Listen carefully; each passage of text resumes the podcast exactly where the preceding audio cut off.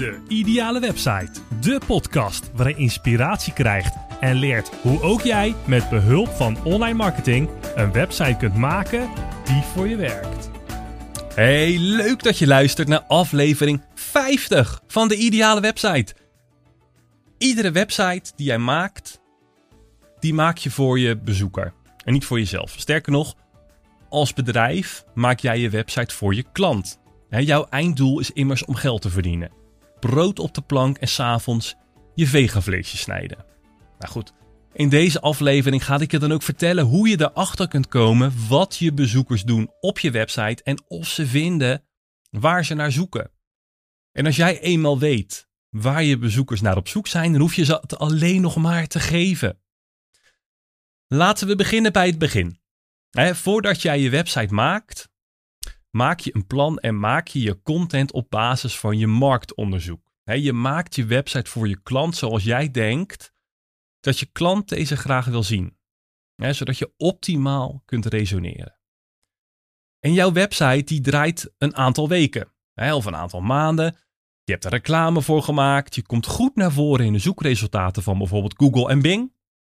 En je ziet verkeer binnenkomen op je website via Analytics.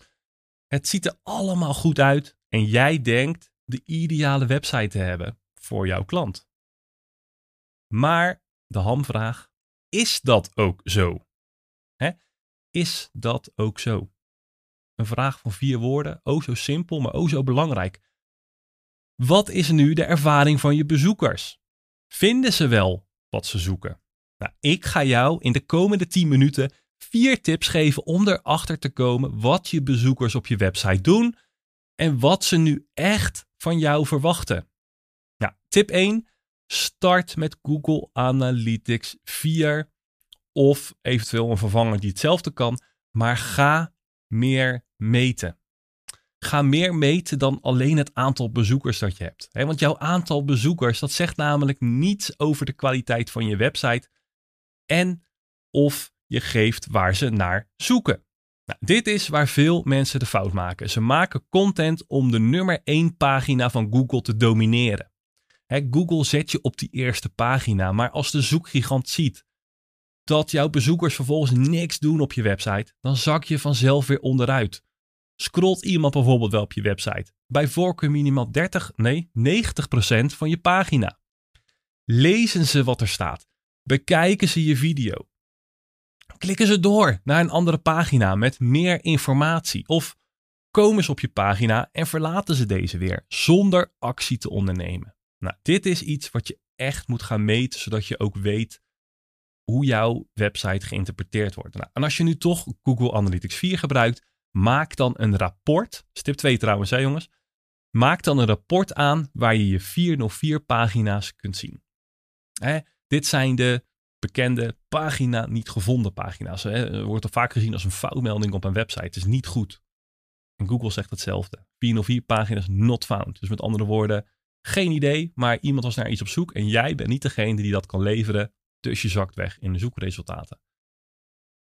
Het is heel leuk dus hè, als je veel bezoekers hebt, maar als het merendeel op een 404 pagina terechtkomt, dan heb je hier helemaal niets aan en zak je dus vanzelf weg. Nou, je kunt drie dingen doen met deze pagina's.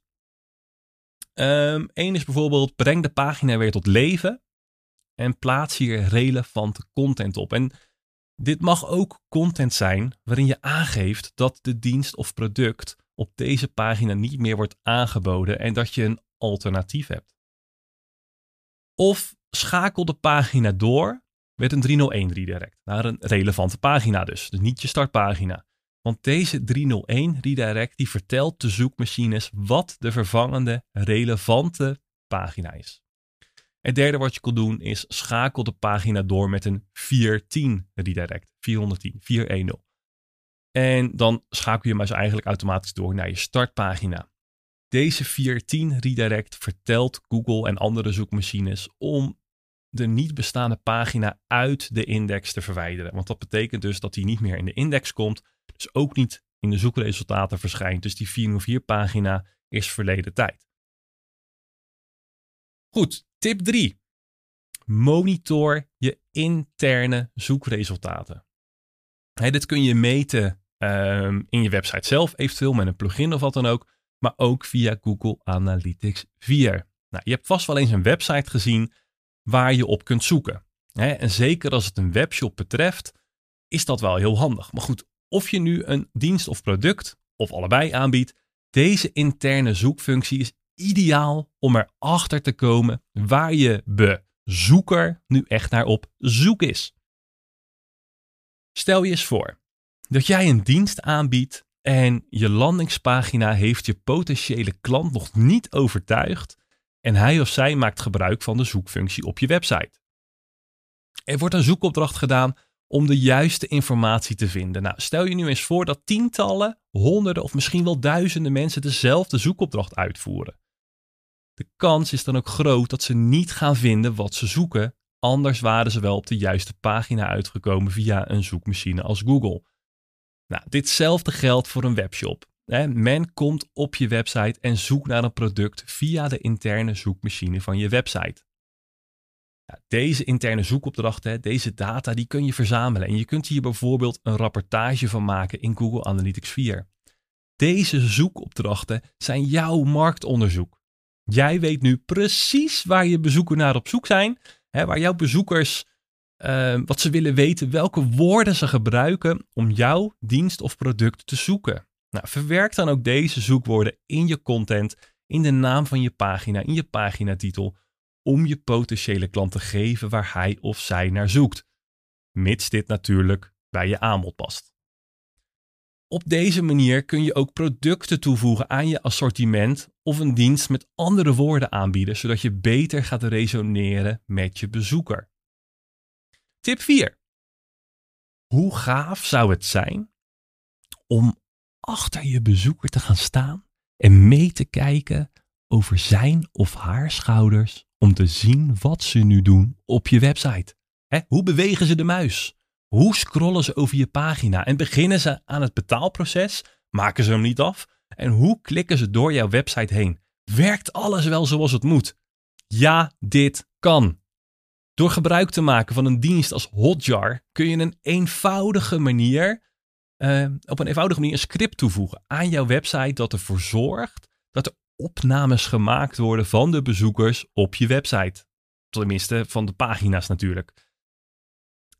Hotjar, die doet vanaf het moment dat een bezoeker relevant lijkt en dus een minimaal x aantal seconden op je website zit, een opname maken. En zo kun jij precies zien wat ze doen en hoe ze je website gebruiken.